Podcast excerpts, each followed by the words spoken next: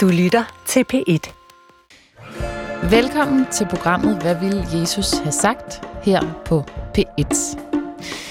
Jeg hedder Iben Maria Søjden, og hver uge der spørger jeg et panel og præster, hvad ville Jesus have sagt?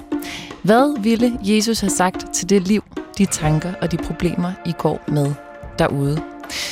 Jeg kan sige så meget, at øh, i dag skal vi forbi en kvinde, der er havnet på plejehjem, og hendes mand har fået en ny kæreste. Og så skal vi forbi en mand, der bor i bofællesskab, og faktisk har mistanke om, at en af dem, han bor sammen med, lider af psykopati. Hvad skal man gøre her? Hvad vil have Jesus have sagt? Det er to af de spørgsmål, som vi tager op i dag. Du, der sidder og lytter, kan skrive til os. Det kan du gøre på jesus Velkommen til. Vita Andreasen, velkommen til dig også. Tak skal du have. Du er sovnepræst ved de fire kirker på Vestfyn, og Sara Augen, velkommen til dig. Tak. Du er sovnepræst ved Søborg Kirke ved Gilleleje. Og så har vi besøg af Lars Gustav Lindstrøm Lindhardt. Velkommen til dig. Tak. Du er sovnepræst ved Frederiksberg Kirke og Frederiksberg Slotskirke. Nu vil jeg bare lige høre Vita og Lars Gustav. Det er første gang, I er her, så Augen har prøvet det en gang før. Hvad synes, hvad synes I om ideen? Er det, er det en fjollet idé at ligesom tage en meget gammel bog og så sige, der er den her figur, der hedder Jesus. Hvad vil han have sagt til os i vores moderne levede liv? Hvad tænker du, Vita? Jamen, jeg kom til at tænke på, at øh, jeg møder mange konfirmandforældre, der siger, at nu er børnene ved at være så store, at vi vender tilbage til nogle af vores sådan, eksistentielle spørgsmål fra, fra vi var der omkring de 20. Og vi, vi vil egentlig gerne vide noget mere om, hvad, hvad er Bibelen for en bog, og, og hvem var Jesus? Så jeg synes, det rammer lige plet, hvad vil Jesus have sagt til mit liv eller mine spørgsmål. Hvorfor giver det noget andet, end hvis man læser et, sit horoskop eller går til en psykolog? Der er en dybde øh, i, i de bibelske fortællinger, som, som er som en spejling øh, af, af også af eksistentielle problemer i dag. Mm. Øhm, og det rammer, det rammer plet så tit. Hvilket jo egentlig er lidt mærkeligt, eller hvad, Lars Gustav? Hvad tænker du? At der er en dybde i det? Nej, kan man det her? Kan man sige, hvad vil Jesus have sagt til dig, der hvor du står? Ja, ja, selvfølgelig. Liv? Altså, jeg synes, det er jo en sindssygt god idé, fordi det her det er jo det, som vi faktisk bør gøre som kirke. Altså, nu, nu tror jeg også, vi gør det de fleste steder, men det er i hvert fald det, som er ligesom helt tanken med kirken. Det er at blive ved med at spørge os selv, hvad vil Jesus have sagt til det her? Hvad vil Jesus have sagt til det her? Hvad vil Jesus have sagt til det her? Og så prøve at komme med de bedste svar, som vi nu har. Mm. Det er jo simpelthen, altså det er kristendommen i en nødskal, det her program, på en eller anden måde. Hvorfor, skal man, hvorfor, hvorfor er det en vigtig opgave for jer som præster? Jamen, det er jo fordi, vi tror på, at Jesus, han, det han siger, er jo ikke bare en, en anden tømmer i Palæstina, der siger noget. Det er magten bag livet og døden, der taler. Og det vil sige, at det er sandheden, der taler. Og dermed så er det jo evigt relevant. Og på en eller anden måde, så det, kunne man også sige det på den måde, det er det eneste, der er relevant rigtigt at lytte til. Det, det er det jo så de facto ikke. Der er mange andre, der er også relevant at lytte til.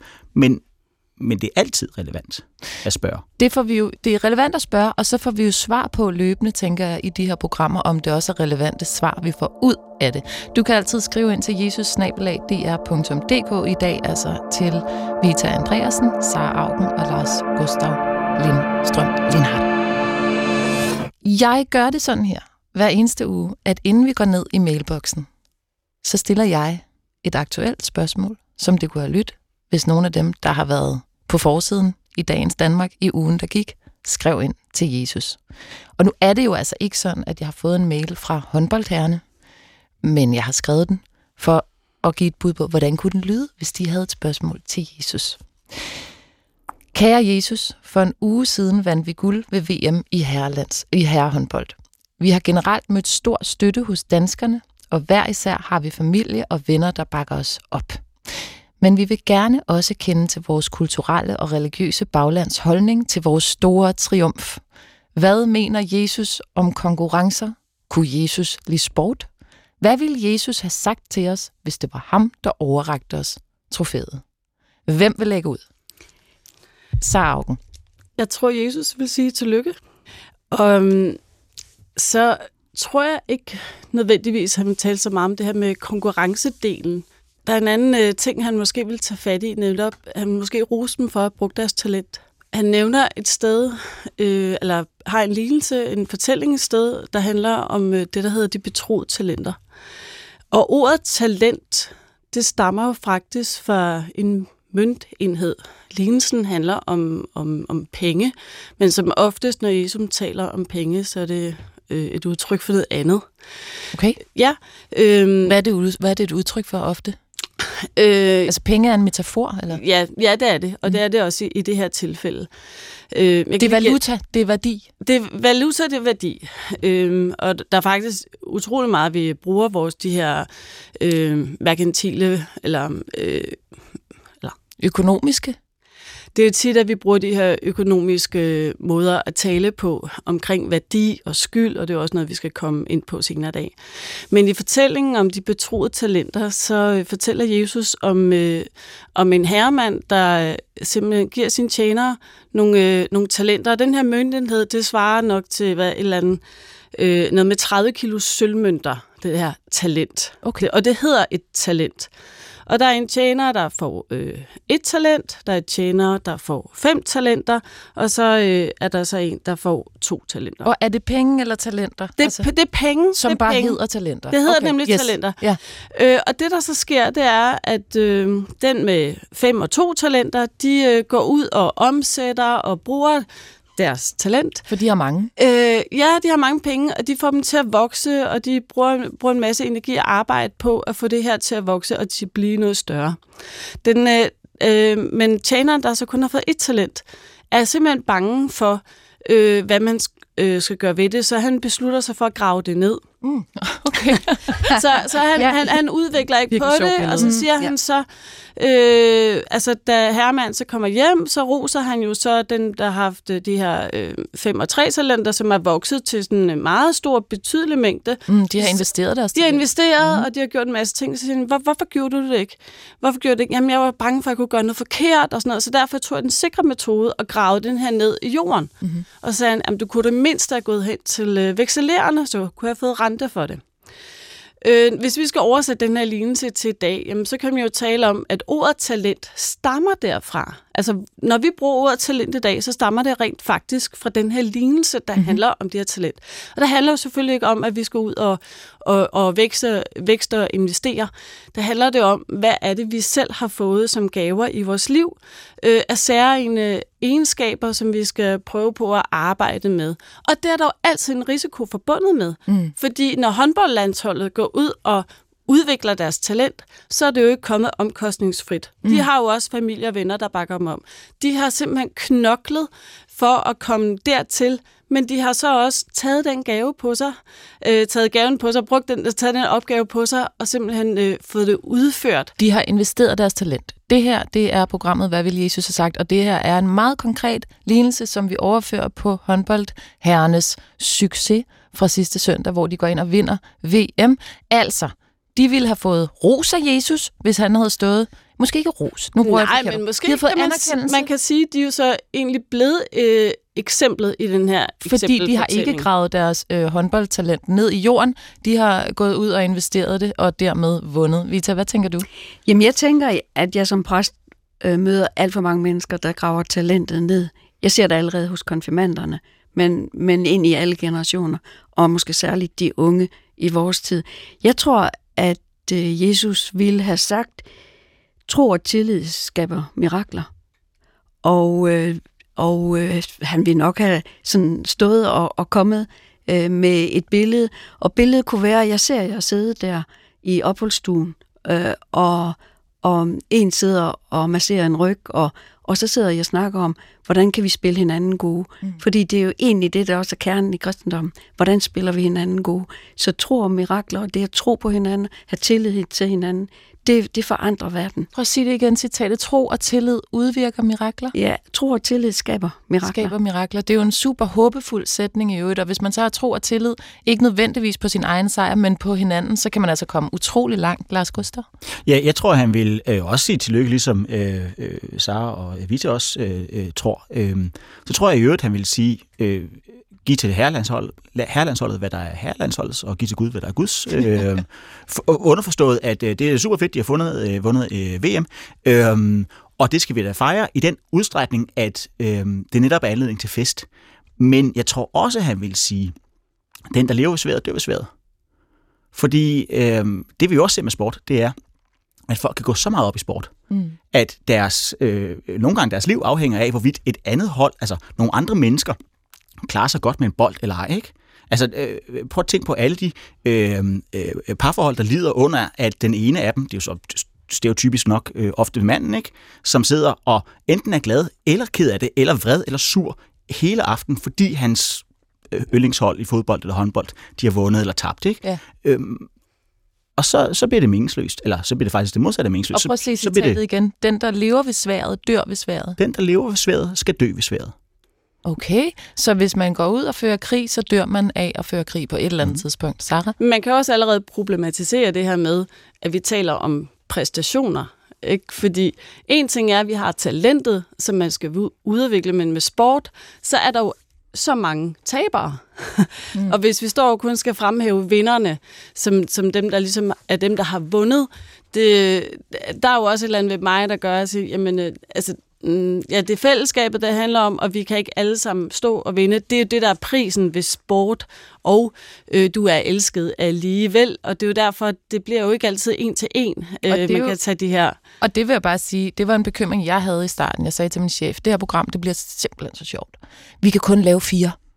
Men efter jeg gik i gang med det, så fandt jeg ud af, at ja, det kan da godt være, at vi godt kan sige noget om, hvad Jesus ville have sagt, men det er aldrig enkelt. Det er altid et paradoks. Altså, man skal ikke grave sit talent ned, man skal bruge det, man skal investere det, man skal give det til verden, og så samtidig så skal vi forstå, at vi er elskede, på trods af, at vi ikke vinder. Måske endda selvom vi taber faktisk. Vita? Jamen, jeg er glad for, at du, du nævner taberne, Sara, fordi det, det er et rigtig vigtigt element, og jeg er ret sikker på, at Jesus vi har sagt noget øh, til taberne, fordi Jesus jo altid havde det sårbare menneske Hvem var det, og vi, taberne. Var det Frankrig, der var taberne her i det her? Ja, ja det var hvad, ville ja. Jesus have sagt til Frankrig? I fordel i glæden. Øh, støllet er, er, er, kan være lige så ædeligt metal som guldet. Lars Gustav? Måske vil han sige det samme til franskmændene, som han måske også vil sige til danskerne, at øh, de sidste skal blive det første, og de første skal blive de sidste. Hvordan skal det øh, Det skal forstås sådan, at i sidste ende, så er det eneste, der har afgørende betydning for, hvorvidt dit liv er godt eller ej, det er, hvor meget af det, du giver til andre. Mm. Og hvor meget plads, du giver til andre i det. De sidste skal være de første. Skal, de, blive, første. de skal blive de første, og de første skal blive de sidste. Og hvorfor betyder det citat det? Om det bliver brugt i en sammenhæng, mm-hmm. hvor at øh, dem, der øh, sætter sig selv foran, øh, de ender med at blive skubbet bagerst i køen af, mm-hmm. øh, af det i metaforen i lignelsen er det så en, en rig mand eller en konge ofte. Okay, så. så hvis man skubber sig selv frem i køen, så ender man som den sidste. Så næste VM, der ryger Danmark på røven? Nej, ikke nødvendigvis. Nå? Det, pointen er netop ikke, at det er en spotdom om, at hvis du øh, klarer dig godt i uh, sport en dag, så kommer du til at klare dig dårligt i sport om en anden dag. Det er en spotdom, eller er en påstand om, mm. øhm, et, et visdomsord om, at hvis vi gør det til mening med livet, mm. at vinde i konkurrence over nogen, uanset om det er sport eller nogen andre, så har vi allerede tabt. Altså så er livet tomt og koldt, uanset om vi vinder eller taber. Du lytter til, hvad vil Jesus have sagt her på P1. Du kan skrive ind til jesus og øh, hver eneste uge sidder der altså tre forskellige præster herinde i studiet og giver deres bud på, hvad vil Jesus have sagt. Kære Jesus, jeg er 74 år, og min mand er cirka jævnaldrende. Vi har boet sammen siden 1969 og har været gift siden vi fik det første barn af vores to børn, og det fik vi i 1977. Vi er stadig gift på papiret, har fælles økonomi, og min mand hjælper mig og besøger mig en gang om ugen på plejehjemmet, hvor jeg bor nu. Min sygdom begyndte for cirka 10 år siden og udviklede sig, så jeg måtte flytte på plejehjem for cirka 7 år siden. Og nu kommer min store sorg. Cirka for 7 år siden, siden fik min mand en ny Kæreste, jeg fik et kæmpe chok. Hvad mener I om denne suppedags, skriver hun. Jeg er ikke troende, men jeg lytter gerne til folk, der mener noget andet end mig. Præster og den slags. Kære Jesus, hvad ville du have sagt? Ita Andreasen.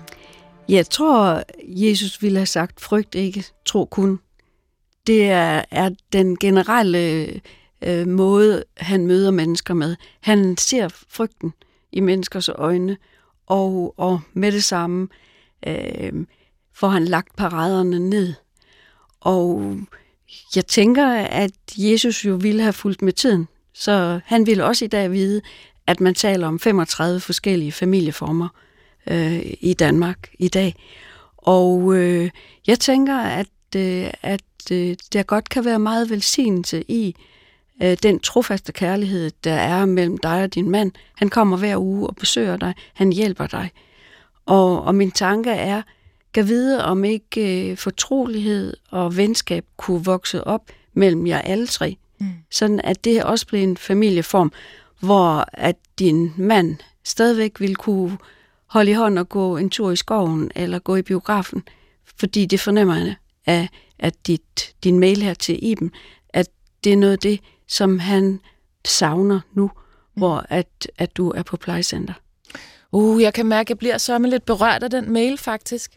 Den er ikke helt nem, og jeg synes, det er meget smukt, det der med frygt, ikke tro kun. Altså, at øh, man frygter at miste sin mand. Det er jo nok det, hun, hun sådan, tænker, sådan tænker jeg også om det, ja.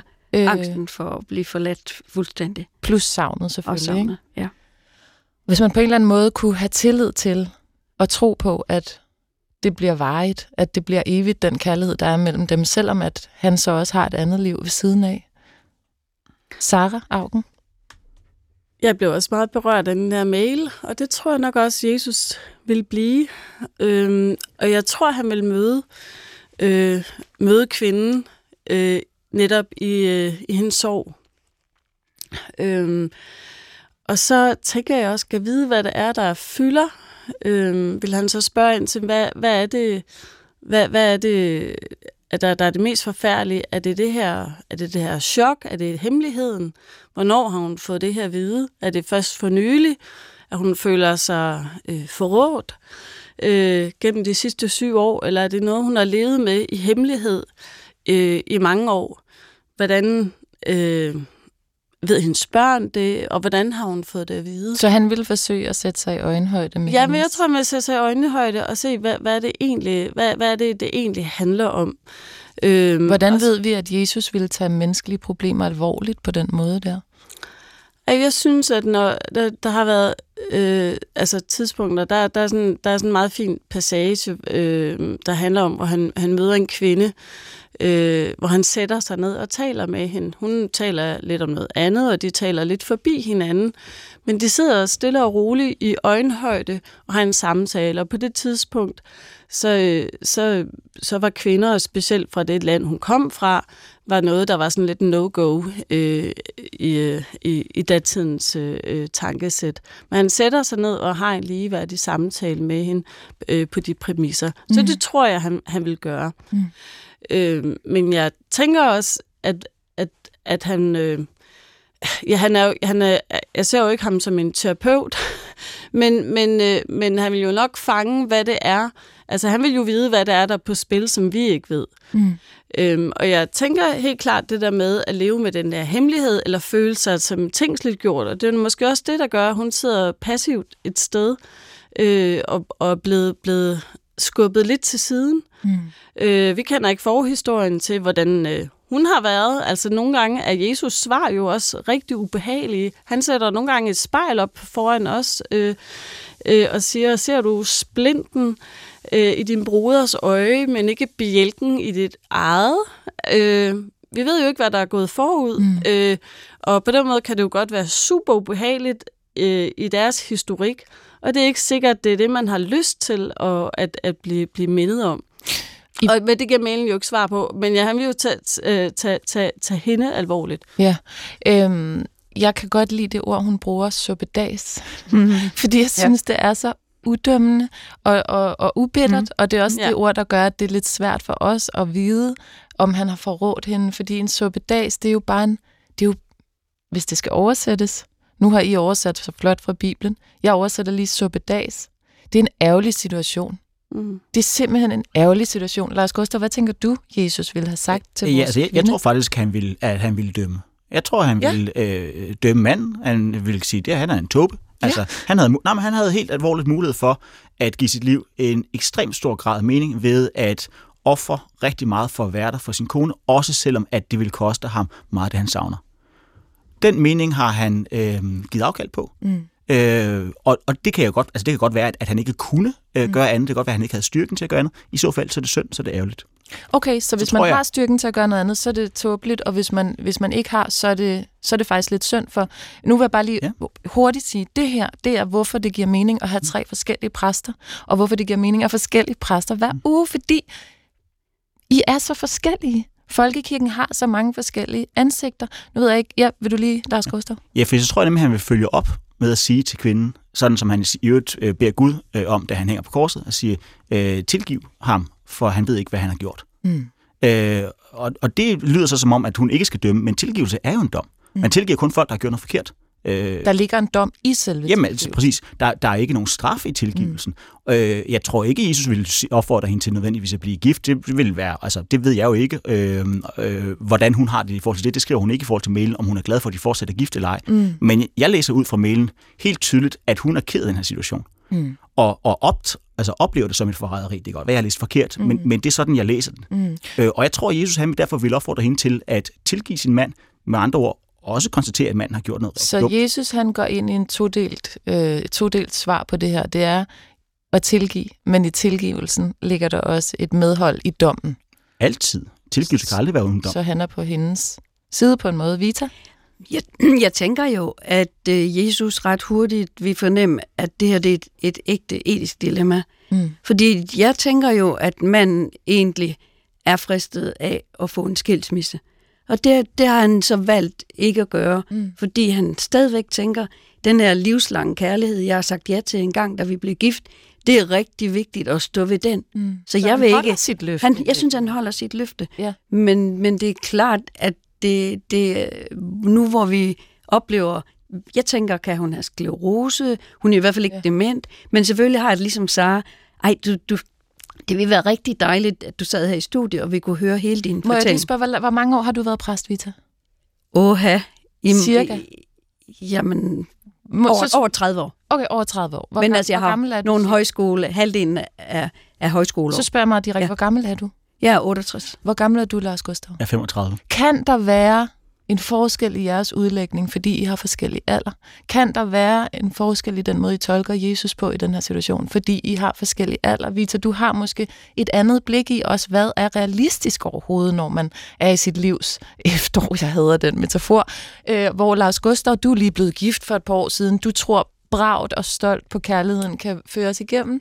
Det, ved, det tror jeg faktisk ikke engang nødvendigvis. Altså, det, jeg, altså, jeg er ikke sikker på, at jeg, jeg tror på, at kærlighed nødvendigvis kan føres igennem. Øh, og jeg er heller ikke sikker på, at det er sådan, øh, det der er på spil her. Men det, jeg ser, som der er, værd, altså er på spil i den her situation, det er, at øh, han har jo faktisk reelt set afsluttet sit ægteskab.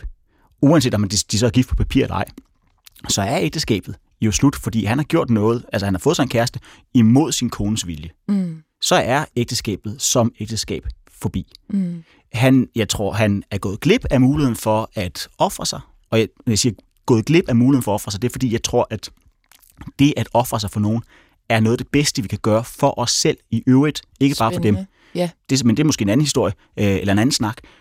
Så jeg tror, han er gået glip af det. Og på den måde har han frarøvet sig selv og sin kone Mm. en masse værdi. Så det at ofre sig er en gave, man giver til sig selv og de andre. Så Augen? Jeg tror stadigvæk, at den her hemmelighed er det, der, der fylder mest, når hun taler om det her chok. Jeg tror, Jesus vil prøve at give hende mod til at få den her hemmelighed på bordet, eller få den her åbne samtale, fordi som jeg læser det, når du siger to dag, så læser jeg det også som en mulighed for, at hun prøver på at finde rummeligheden og tilgivelsen i sig. Mm. Men at det, der har været skjult, er det det, der gør ondt. Hvor blev den her ærlighed af? Hvor blev det her, det her fortrolige rum øh, af? Og det er det, jeg tror, Jesus vil prøve på at give hende, indgyde hende mod til at få, øh, altså, få tingene afklaret. Mm. Vita? Jamen, Ja, vi lægger jo mærke til, at Jesus stort set aldrig kommer med forbud. Jesu, hele Jesus, øh, hvad skal man sige, virke, det er o så langt væk af, at han tænker i mulighedsrum. Hvordan ser du det sådan helt generelt? Kan Den man måde, ligesom- han møder mennesker på, den måde, han helbreder på, den måde, han, han både taler med tolleren, der, der, der snyder øh, medborgere Mm. øh, og, og skraber penge til sig selv som skatteopkræver. Så han er uddømmende. Ja, han, han, han møder, det er slet ikke hans fokus Mm. at, at se menneskers fejl. Og det, jeg tror slet ikke, han vil fokusere på hverken kvindens eller mandens fejl, men tænke, hvordan får vi skabt et mulighedsrum, hvor de alle sammen kan leve med sorgen. Mm. Børnene kan leve med sorgen over en mor, der er blevet syg. En mand kan leve med sorgen over den kvinde, han elsker, er blevet syg. Og, for jeg tror ikke, hans kærlighed er død. Mm. Jeg tror også, at kærlighed lever dybest set også efter en skilsmisse. Mm. Så jeg, jeg tror, at, at hvordan kunne vi finde en form, hvor vi i åbenhed drøfter det med hinanden. Og det ved vi jo heller ikke. Det kan jo godt være, at han med det samme har sagt, ved du hvad, jeg kender mig selv godt nok til, at jeg kan ikke, jeg kan ikke, jeg går til grunde i min alenehed, mm. hvis jeg ikke øh, kan være sammen med et andet menneske i fortrolighed. Øh, jeg, jeg gæder at måtte fortælle dig det, men, men sådan er det. Jeg har ikke i stænde at svigte dig. Min kærlighed er stor nok til jer begge. Du lytter til, hvad vil Jesus have sagt her på P1. I dag har jeg besøg af Vita Andreasen, som er sovnepræst ved de fire kirker på Vestfyn, og Sara Augen, som er sovnepræst ved Søborg Kirke ved Gilleleje, og Lars Gustav Lindstrøm Lindhardt, som er sovnepræst ved Frederiksberg Kirke og Frederiksberg Slotskirke. Du siger det her, Vita, med, at øh, Jesus han ser ikke fejl, og det er en problematik, som vi vender tilbage til senere, fordi jeg har en lytter, der hedder Karen, som gerne vil spørge om, hvis ikke han ser vores fejl, er det så i virkeligheden bare et carte blanche til at opføre os fuldstændig, som vi har lyst til. Den tager vi lige senere, fordi nu skal vi tale om psykopater. Jeg har fået en mail, som jeg tænker, at jeg læser lige om et øjeblik, for den handler nemlig om en mand, som øh, bor sammen med det, han mener er en psykopat. Men det er jo faktisk en diagnose. Det er et ret voldsomt ord, og jeg har derfor skrabet lidt information ind omkring, altså bare lige så vi lige får sat på plads, hvad er det her ord øh, psykopati, og hvad dækker det egentlig over? Så hvis I lige tager jeres hovedtelefoner på. Ifølge lægens bor fra 18. november 2022 har op mod en kvart million danskere psykopatiske træk. På Psykiatrifondens hjemmeside står desuden skrevet, at de såkaldte psykopater lider af det, man kalder en emotionel personlighedsforstyrrelse. I daglig tale bliver dyssocial personlighedsstruktur ofte kaldt for psykopati. Og en person med psykopati bliver kaldt for en psykopat. Andre udtryk er sociopat, antisocial og karakterafviger. Men dyssocial er den korrekte betegnelse. Typiske træk hos personer med dyssocial personlighedsforstyrrelse er følgende. Er selvcentreret, opmærksomhedssøgende og selvhævdende. Er mere optaget af egne behov end af andres er ligeglad med andres følelser, mangel på samvittighed, føler ikke ansvar eller skyld og udnytter gerne andre, har ingen respekt for sociale normer eller lovgivning, bliver let frustreret og aggressiv, har ringe kontrol over sin adfærd og er tit impulsiv uden at tænke over konsekvenserne. Bortforklarer ting og giver andre skylden og har tendens til at lyve. Keder sig hurtigt og har behov for spænding mangler evnen til at have stabile relationer. Det var altså min kollega Jesper Dein, der sagde ja til lige at sætte skabet, hvor det skulle stås i forhold til psykopati, fordi at når man lige tager sådan en derop, så tænker jeg, det skal vi lige have på sin plads. Fordi det er også sådan et ord, som bliver brugt hele tiden, og man ved ikke lige, hvordan det ledes. Nu kommer den her mail. Jeg har en lytter, der har sendt en mail ind på jesus Kære Jesus, jeg vil gerne tale med dig om psykopater. Det er et voldsomt udtryk, og det dækker nok ikke helt.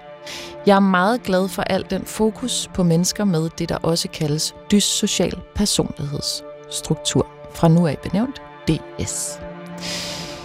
Jeg er en mand på 53, og jeg har selv erfaringer med en ekskæreste med dyssocial personlighedsstruktur, som jeg ikke vil gå så langt som til at kalde psykopat. Sandsynligheden for, at vi alle møder mennesker med DS, er stor. Nu bor jeg for eksempel i et bofællesskab og har også en voksen kvinde, jeg mistænker for at have DS. Adfærden passer med tjeklisterne og mine erfaringer. I øvrigt kan de andre her i fællesskabet bekræfte mig i mine uhyrlige observationer og mistanker. Vi går forsigtigt frem for ikke at risikere at gå befejl, begå fejl i form af for eksempel voksenmobning. Men fremad må vi gå. Vi 11 andre udvikler langsomt stresssymptomer, angst og mistrivsel i forbindelse med vedkommendes adfærd. Vi er redde til at se indad, men det er som om denne person ikke vil eller kan netop det. Nu er mit spørgsmål til dig, Jesus. Hvad gør vi med barmhjertighedsprincippet, når vi står over for en person med dyssocial personlighedsstruktur? Disse ting, som folk med psykopatiske træk øh, mangler, skyld og samvittighed, og den tillid, vi andre så mister på grund af det, det er jo det, der holder sammen på vores mellemmenneskelige samfund, og altså også vedkommendes bofællesskab. Så en person, som handler uden samvittighed, og som det beskrives for personer med DS, bruger altså metoder, der i forhold til relationer til andre ikke er gode. Hvordan kan vi andre, der forsøger at undgå onde metoder, redde os selv? Er afstand til personen, at forlade eller skubbe personen ud den eneste mulighed, eller er der en alternativ kristen vej? Jeg kunne egentlig godt tænke mig at være en god kristen, og jeg har faktisk ofte spurgt mig selv, hvad vil Jesus gøre? Det er nok sjældent, men det har vores lytter altså gjort her. Nu er der så en podcast, der hedder sådan. Det må jo være en gave fra Gud. Med venlig hilsen. Så altså, grundlæggende skal vi ind i en snak om, hvad vil Jesus sige i forhold til at være pårørende til en person med dyssocial personlighedsstruktur. Hvem kunne tænke sig lige at sætte et par ord på det? Lars Gustav Lindstrøm Lindhardt. Ja, altså jeg tror, han ville sige, øh, jo, vi skal være barmhjertige, øh, men vi skal netop være barmhjertige mod vores næste, og vores næste er jo alle dem, der står ved siden af. Så det vil sige, hvis du er i et bofællesskab, hvor at du oplever, at et øh, medlem giver alle andre øh, øh, angstsymptomer og, og påfører dem øh, betydelig lidelse, det er sådan, jeg hører det i hvert fald, mm øh, så er du nødt til at være barmhjertig over for alle i det bofællesskab. For selv hvis du er villig til at ofre dig selv, hvilket Jesus i øvrigt ikke opfordrer til særlig mange steder, mm. øh, så øh, altså ofre dig selv fuldstændig. Nu sagde jeg før, at man skal ofre sig selv, fordi det er der, der man finder livet. Mm, Jesus opfordrer ikke til, at man er selvudslættende. Lad mig sige det på okay, den måde. der er forskel også på at give Ja. offer på nogle ting, ja. Afkald på nogle ting, og selvudslættende. Ja, præcis. Ja. Øhm, det er i hvert fald sådan, som jeg tror, at, at Jesus han ser på tingene. Ja. Øhm, jeg tror, Jesus her vil sige, ligesom han vil sige, øh, sagde på korset, ligesom at jeg tror, han vil sige øh, i situationen med, øh, med plejehjemmet, som vi snakker om før, mm. øh, tilgiv hende, fordi hun ved ikke, hvad hun gør. Men tilgivelse i den her sammenhæng betyder jo ikke, at man bare lader hende gøre, hvad det nu er, hun gør. Mm. Øh, man sætter selvfølgelig de rammer, som øh, der er brug for, for at man kan passe på sig selv. Og så sørger man for at sætte dem et sted, sådan som man passer bedst muligt på sig selv, og samtidig har så stor mulighed, som det nu er muligt at have, mm.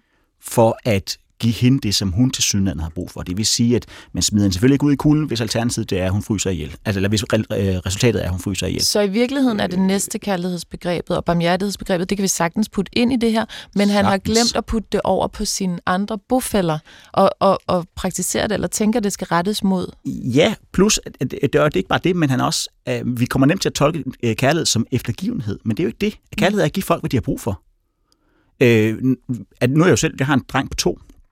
Øh, for mig der er kærlighed, min kærlighed til ham, den viser sig ofte i, at jeg siger nej til ham, og jeg sætter gr- øh, grænser for ham, mm. og jeg ikke giver ham det, han gerne vil have. Øh, og at han så i øvrigt øh, skriger meget, meget højt, og øh, stamper i gulvet, og gør alle de der ting, som børn gør. Øh, sådan er det jo også over for mennesker. Mm. Øh, ofte voksne mennesker har en rimelig god fornemmelse af, hvad det er, de har brug for. Måske i hvert fald bedre, end vi andre har. Så derfor så vil det ofte være en god idé at lytte til dem. Men når du står for en psykopat, mm. så, eller en med dyssocial personlighedsforstyrrelse, eller et lille barn, der er jo øvrigt ikke så stor forskel der, vel? Øhm, Psykopatbarn. så, så er du jo nødt til at tænke på, øh, tænke over, at kærlighed i den her sammenhæng ikke betyder at gøre, hvad personen gerne vil have, at mm. skal gøre. Så der er forskel på kærlighed og eftergivenhed. Så i øvrigt, så prøv at lægge mærke til, hvordan vi bruger ordet psyko. Det er jo rigtigt nok, man bruger det i sådan en øh, for sjov, sådan en negativ... Øh, det, er jo, det er jo sådan set også problematisk. Det er derfor, det er meget godt, at han også skriver det her med dyssocial personlighedsstruktur, fordi der er jo et eller andet i hvert fald i det sociale, som, som ikke går, som det skal, når man er pårørende til en, der har den her øh, lidelse. Og som du så siger, kærlighed er ikke nødvendigvis at give det, som personen man skal give det, som, man, som personen har brug for, ikke det, som personen vil have. Ja, og i den her sammenhæng har brug for, det kan man sige, altså hvad har, hvad har øh, hende med dyssocial personlighedsstruktur brug for? Mm. Men altså der er i hvert fald nogle andre, der har også har brug for, at der bliver sat grænser. Det er klart. Og så er det vigtigt at understrege, netop i tilgivelsen ligger der en anerkendelse af, at det her det er synd for hende. Mm. Altså det er i ordets eneste forstand enormt synd for hende, fordi hendes liv er, hvis hun faktisk er udstand til at føle skyld og medfølelse, så er det enormt tomt, det er enormt koldt, det er enormt mørkt. Men det er også sjovt, fordi det siger noget om, hvor meget fortolkningsrum der ligger i de her ting, fordi man vil jo et eller andet sted altid kunne sige, at det var fordi, jeg mener, at øh, hun har brug for det her. Det kan man jo så altid sige. Jamen, jeg mener, at hun har brug for at blive sat på gaden, fordi at, så kan hun lære det. Så man kan altid ligesom dække sig ind på en eller anden måde, også i det, du og, siger. og der er du nødt til at være ærlig over for dig selv. Mm. Altså, ja, det er rigtigt. Det, du er altid dækket dæk ind. Så en god tommelfingerregel, det er selvfølgelig, hvis du skal give folk, hvad du tror, du, de har brug for, det er at lytte til dem først. Mm. Det er en god tommelfingerregel. Det er måske et meget godt sted at starte. Så er Augen. Du ved det ikke? Eller hvad? Du siger sådan helt jeg tror- wow. Jeg, jeg tænker, at, øh, at det her, psykiatrien, det er jo meget ung disciplin, mm. kan man sige. Den fandtes ikke rigtigt på Jesu tid. Og Der- det, og det er det, der gør spørgsmålet spændende, synes jeg vil sige. Vil jeg Ja. sige ikke? Øh, og altså, man kan jo sige, på den anden side, så vil man jo heller ikke øh, gå til en øh, zoneterapeut, hvis man har et åben, åben benbrud. Så går man jo til den rigtige lægevidenskab. Ikke? Mm. Og alle de her videnskaber, de findes jo ikke. Men øh, altså ondskab og, og det dæmoniske eller personlighedsforstyrrelser findes jo også øh, i, i Bibelen. Øh, og der bliver de bare nævnt ved, ved noget andet navn, og man kan sige, at Jesus har jo total nul-tolerance over for, øh, for ondskab. Mm. Altså, han øh, lader det både far i svin og ud over afgrunden, eller kaster gerne møllehjul om ondskaben, og lader Hvad? den, du lader forg- den, den synke gør i han? havet. Jamen, at det, der, Det det, er jo, det, det onde er jo noget, der skal bekæmpes. Øh, og man kan jo sige, her sidder der noget i et menneske, som, som, øh, som, øh, som, som gør ondt, og som er ondt. Og det skal vi selvfølgelig have hjælp til at finde ud af, hvordan, hvordan kan det helbredes, hvordan kan det heles. Mm. Og det er jo ikke bofællesskabets opgave at, at være læger på mm. den måde. Ikke?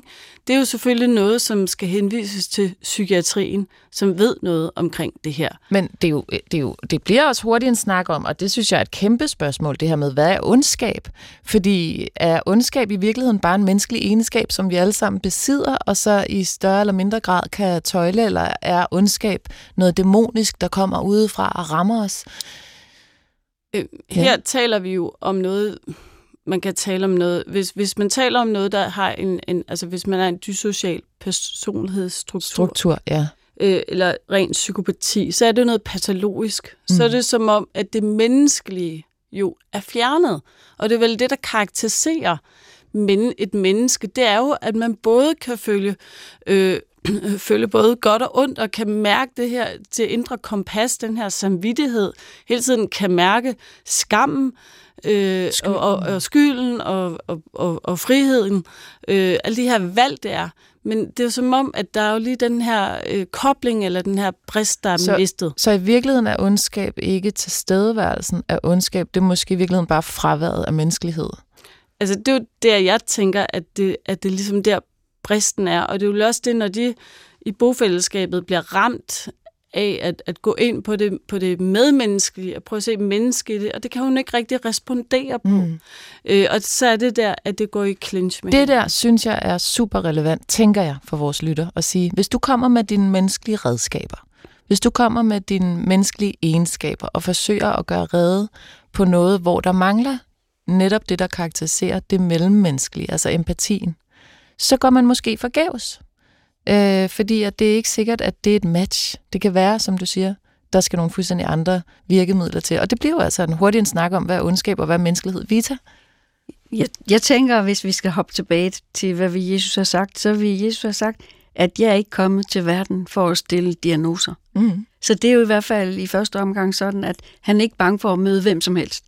Men jeg vil, jeg vil sige, at i et bofællesskab kunne man godt øh, frygte, at det ville være nødvendigt at ekskludere mm. øh, en person med, med en sådan personlighedskarakterafvielse, fordi at øh, jeg, jeg kan øh, fortælle, at jeg tidligere øh, jo var leder på en højskole, og faktisk blev noget forskrækket, da der i de år kom, øh, blev sat spotlys på, at der er en overrepræsentation øh, af psykopati blandt ledere. Mm.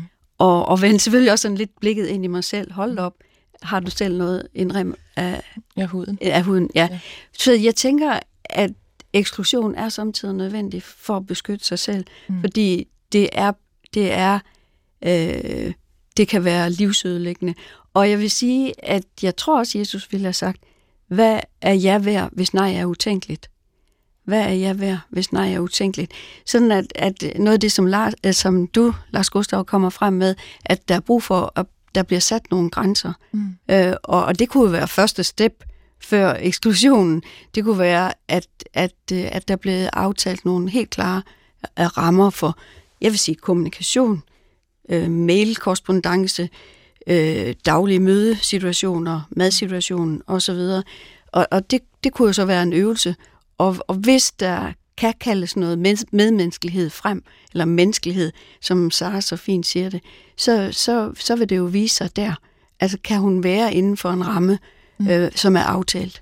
Og så skriver vores lytter, som jeg synes er rigtig sjov og spændende og godt set, at det er jo her, hvor at han bliver i tvivl, fordi om Jesus overhovedet kan bruges, ikke? Fordi at netop det, tal, det, det kunne godt være to en kontrast mellem, at man bruger sin barmhjertighed, næstekærlighed og så videre, og så på ligesom vores samfund, hvor der er enormt meget fokus også på at sætte grænser, passe på sig selv, sige nej, øh, være bevidst og så videre, ikke Lars Gustav?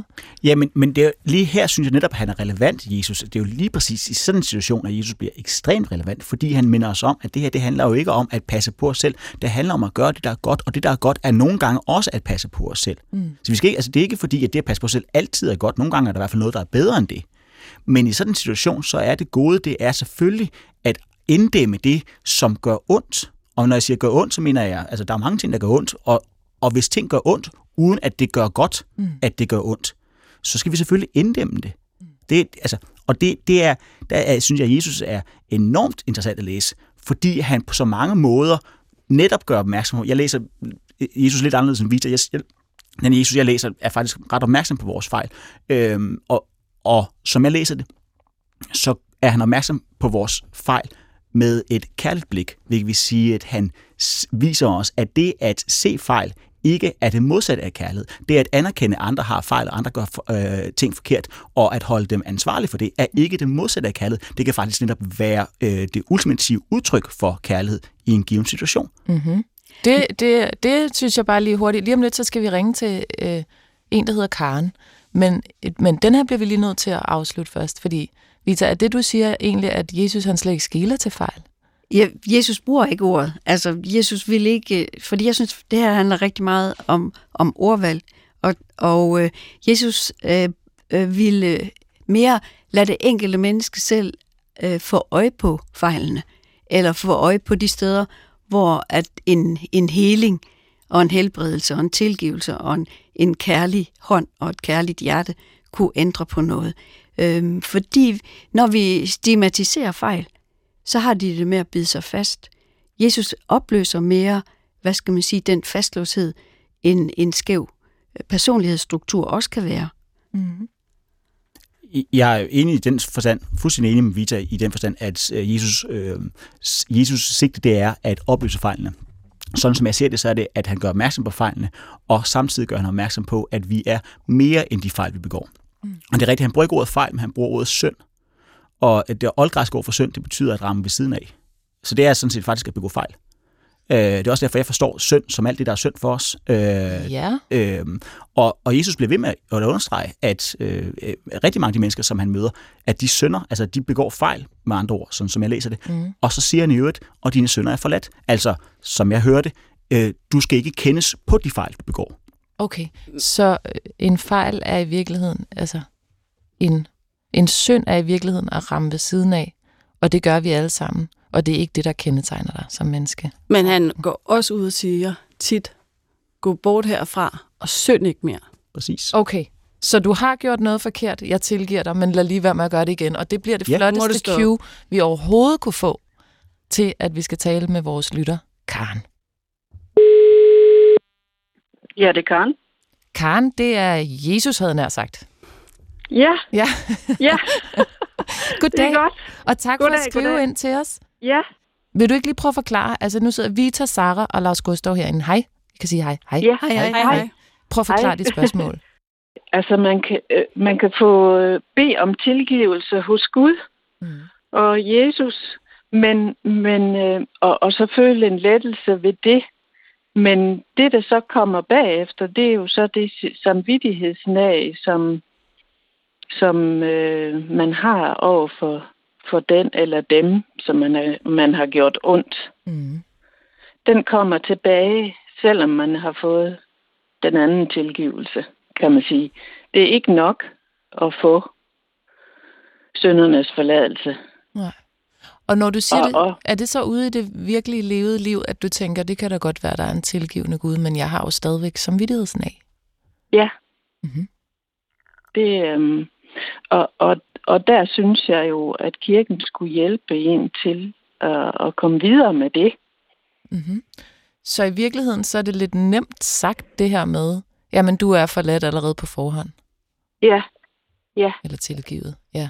ja, Du, du, du nævner et Barnaby-afsnit i mailen, ja, og det synes jeg er en Det er- interessant reference, når det handler om Jesus. ja.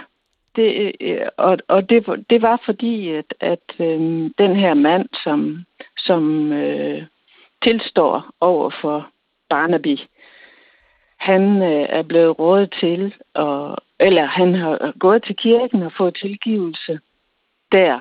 Mm-hmm. Men, men han siger til Barnaby, at det har ødelagt hans liv. Det, at han har fået tilgivelse af kirken.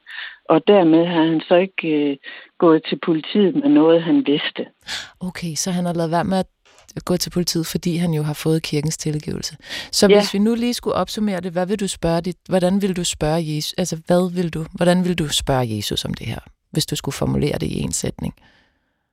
Ja, øhm, om det ikke er rigtigt, at vi skal, øhm, vi skal gå, gå til dem, og det er en tung gang ofte, at gå til dem, man har gjort det ondt, og så øh, indrømme, at man har gjort fejl. Det er jo ikke sikkert, at man får tilgivelse hos den person. Man kan jo ikke vide, hvordan det bliver taget imod. Men om ikke det er rigtigt at gøre det, Mm.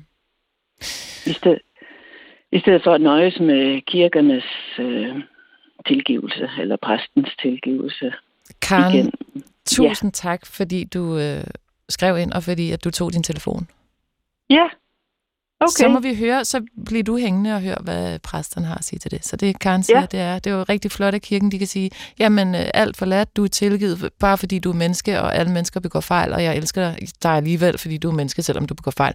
Bum, er der ikke også et andet led, siger Karen, som er lige så vigtigt, som handler om, altså kan man sige, at Jesus har sagt noget om det, at det er også vigtigt, at du går hen til den person, som det handler om, og siger, det må du undskylde. Kan du overhovedet tilgive mig, Sara Augen? Ja, det gør han faktisk. Han mm-hmm. går hen og siger, at du skal forlige dig med din bror. Øh, Du skal gå hen og forlige dig med de mennesker, som, øh, som du har noget øh, et mellem udstående med. Så det gør han faktisk. Altså skyld og, og tilgivelse, det er jo en dynamisk bevægelse. Du kan ikke synde på nåden, som det hedder. Øh, øh, og, og det er også det, vi taler om i bønden i fader, hvor at, øh, altså, forlad os vores skyld, som også vi forlader skyldnere. Ja, hvad betyder det? Lad os lige tage det, Jamen, jeg forstår det, det- ikke. Jamen, det er jo selvfølgelig en, en bøn om, at vi får, øh, altså, vi får tilgivelsen, men at det er jo også noget, som, som er et påbud på, at det er faktisk noget, vi selv skal prøve at øve os i.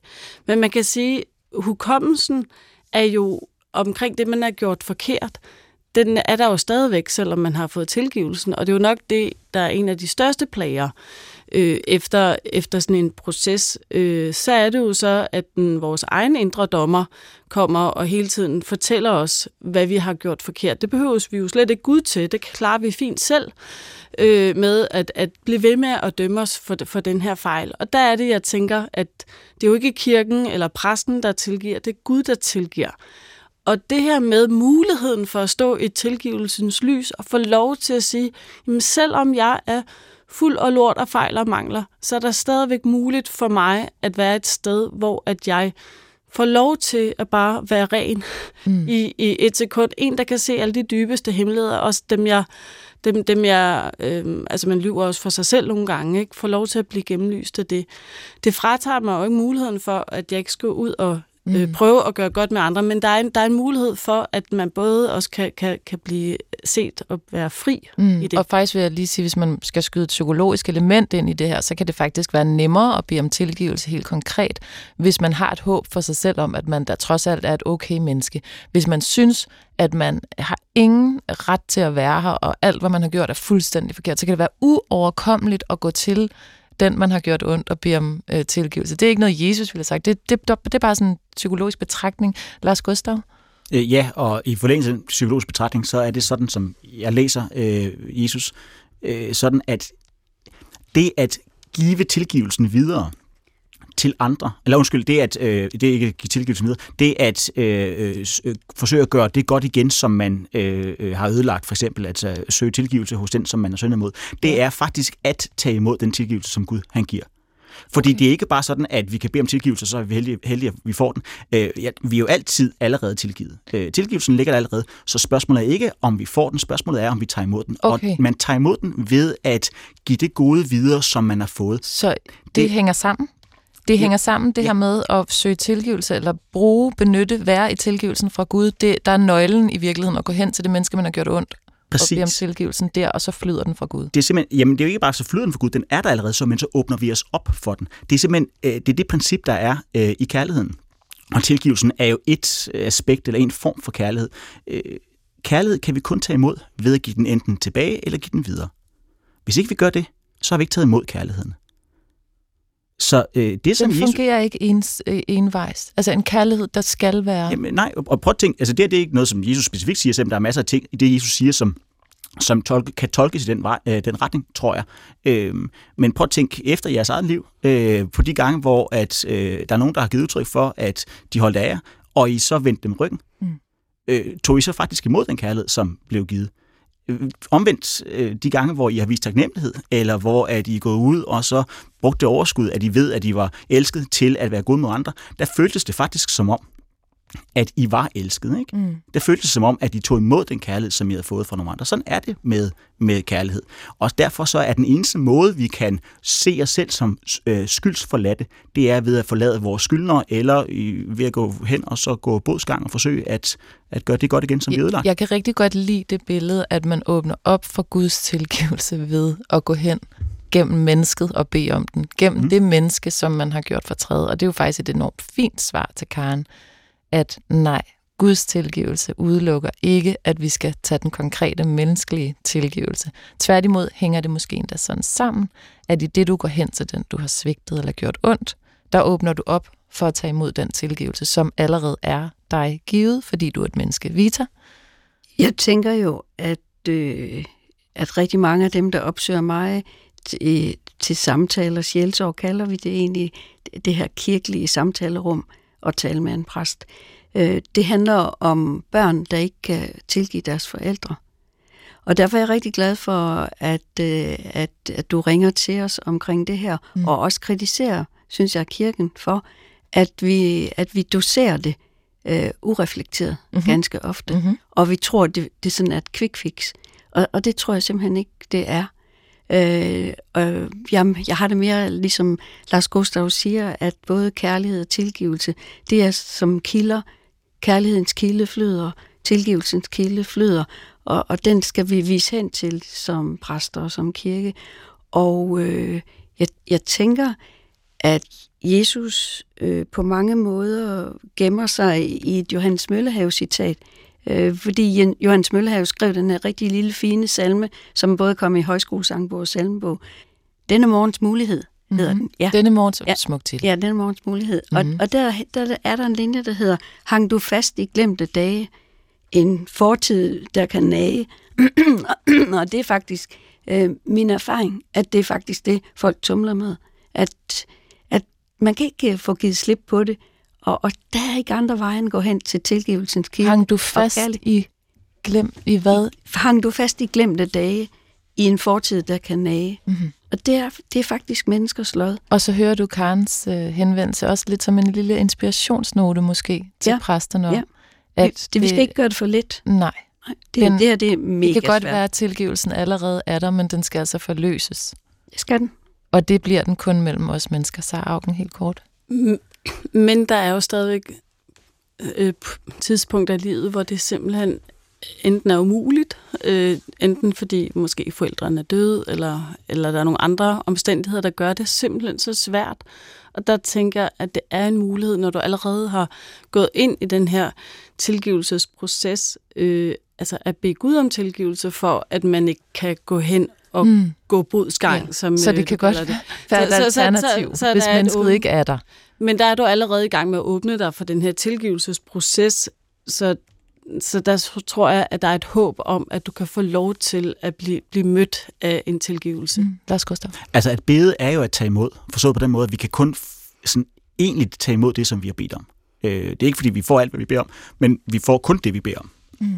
Øhm, vi, altså, og får, så mener jeg, altså faktisk tage imod. Man som skal i, kunne tage imod, før man kan få det. Øh, Ja, og det at bede om, det er jo at øh, gøre, gøre sig øh, bevidst om, at det har værdi for os, at det er vigtigt for os, og at det ikke er noget, som vi kan give til os selv, og dermed så bliver vi også i stand til at tage imod det, som om det er noget værd. Mm. Så det at bede Gud om tilgivelse er jo at, øh, øh, at øh, sige til sig selv, og til verden, hvis altså, verden hører det, eller, og til Gud, Gud ved det nok allerede, øh, at man har brug for den tilgivelse. Mm. Og dermed kan det være et afgørende skridt for at hjælpe en til så at forsøge at gøre det bedre, som man har gjort forkert. Fordi det er rigtigt, nogle gange så kan det for eksempel være, at øh, man ikke kan rette op på den konkrete fejl, man har begået. Det kan for eksempel være, at man har, man har slået nogen ihjel. Så kan man jo ikke få deres tilgivelse igen. Nej. De er døde. Men man kan så måske få tilgivelse fra dem, som øh, er tilbage, dem, der er, der er efterlevende. Og hvis, Eller også kan man ikke. og, og også kan, det kan man ikke. Og, men, men det, man så i hvert fald kan gøre, det er, at man kan gå ud, og så kan man gøre så meget, som man det overhovedet er muligt for den, man nu er, mm. At skabe liv i, det, i, det, i den verden, som man Men har der må bragt jeg altså bare i. sige, der er det som almindelig øh, borger, der hvor man egentlig ikke overgår Gud heller skal tilgive. Det gider man ikke. Hvis man har slået nogen ihjel, eller noget lignende. Man overgår ikke, Gud skal tilgive. Og der vil jeg så sige, at jeg tror, Jesus vil sige, det er synd for dig. Fordi, synd for at, øh, ja, øh, fordi Gud har allerede tilgivet. Så det kan godt være, at du ikke overgår det, Og det er øh, men det er sådan, der. Det er også lidt pro- det er der, hvor det bliver lidt, en lille smule provokerende med det her kristendom. Men det er nærmest et helt program for sig selv, det her med kriminalitet over for øh, Jesus' budskaber. Det kunne jeg enormt godt tænke mig, at vi faktisk nærmest dedikerer et, øh, et program til. Jeg vil bare lige kort sige, jeg lærte noget om tilgivelse i dag. Og det er, vi taler jo tit om, det er så svært at tilgive. Det er noget af det sværeste, man overhovedet kan gøre. Men det bliver en lille smule mindre svært, hvis man med sig selv ved, at i det, man tilgiver, der er der fældet dom. I det, man tilgiver, der anerkender man, at der er gjort noget, som ikke skulle være gjort. Så bliver det lidt nemmere at tilgive. Lars Gustav Lindstrøm Lindhardt, Sara Augen og Vita Andreasen. Tak fordi I havde lyst til at deltage i denne uges udgave af Hvad ville Jesus have sagt? Han har virkelig været meget på banen i dag, ham Jesus. Og det synes jeg er utrolig spændende. Så vi fortsætter næste uge, og du kan deltage ved at skrive ind på jesus-dr.dk. Tak fordi du lyttede med.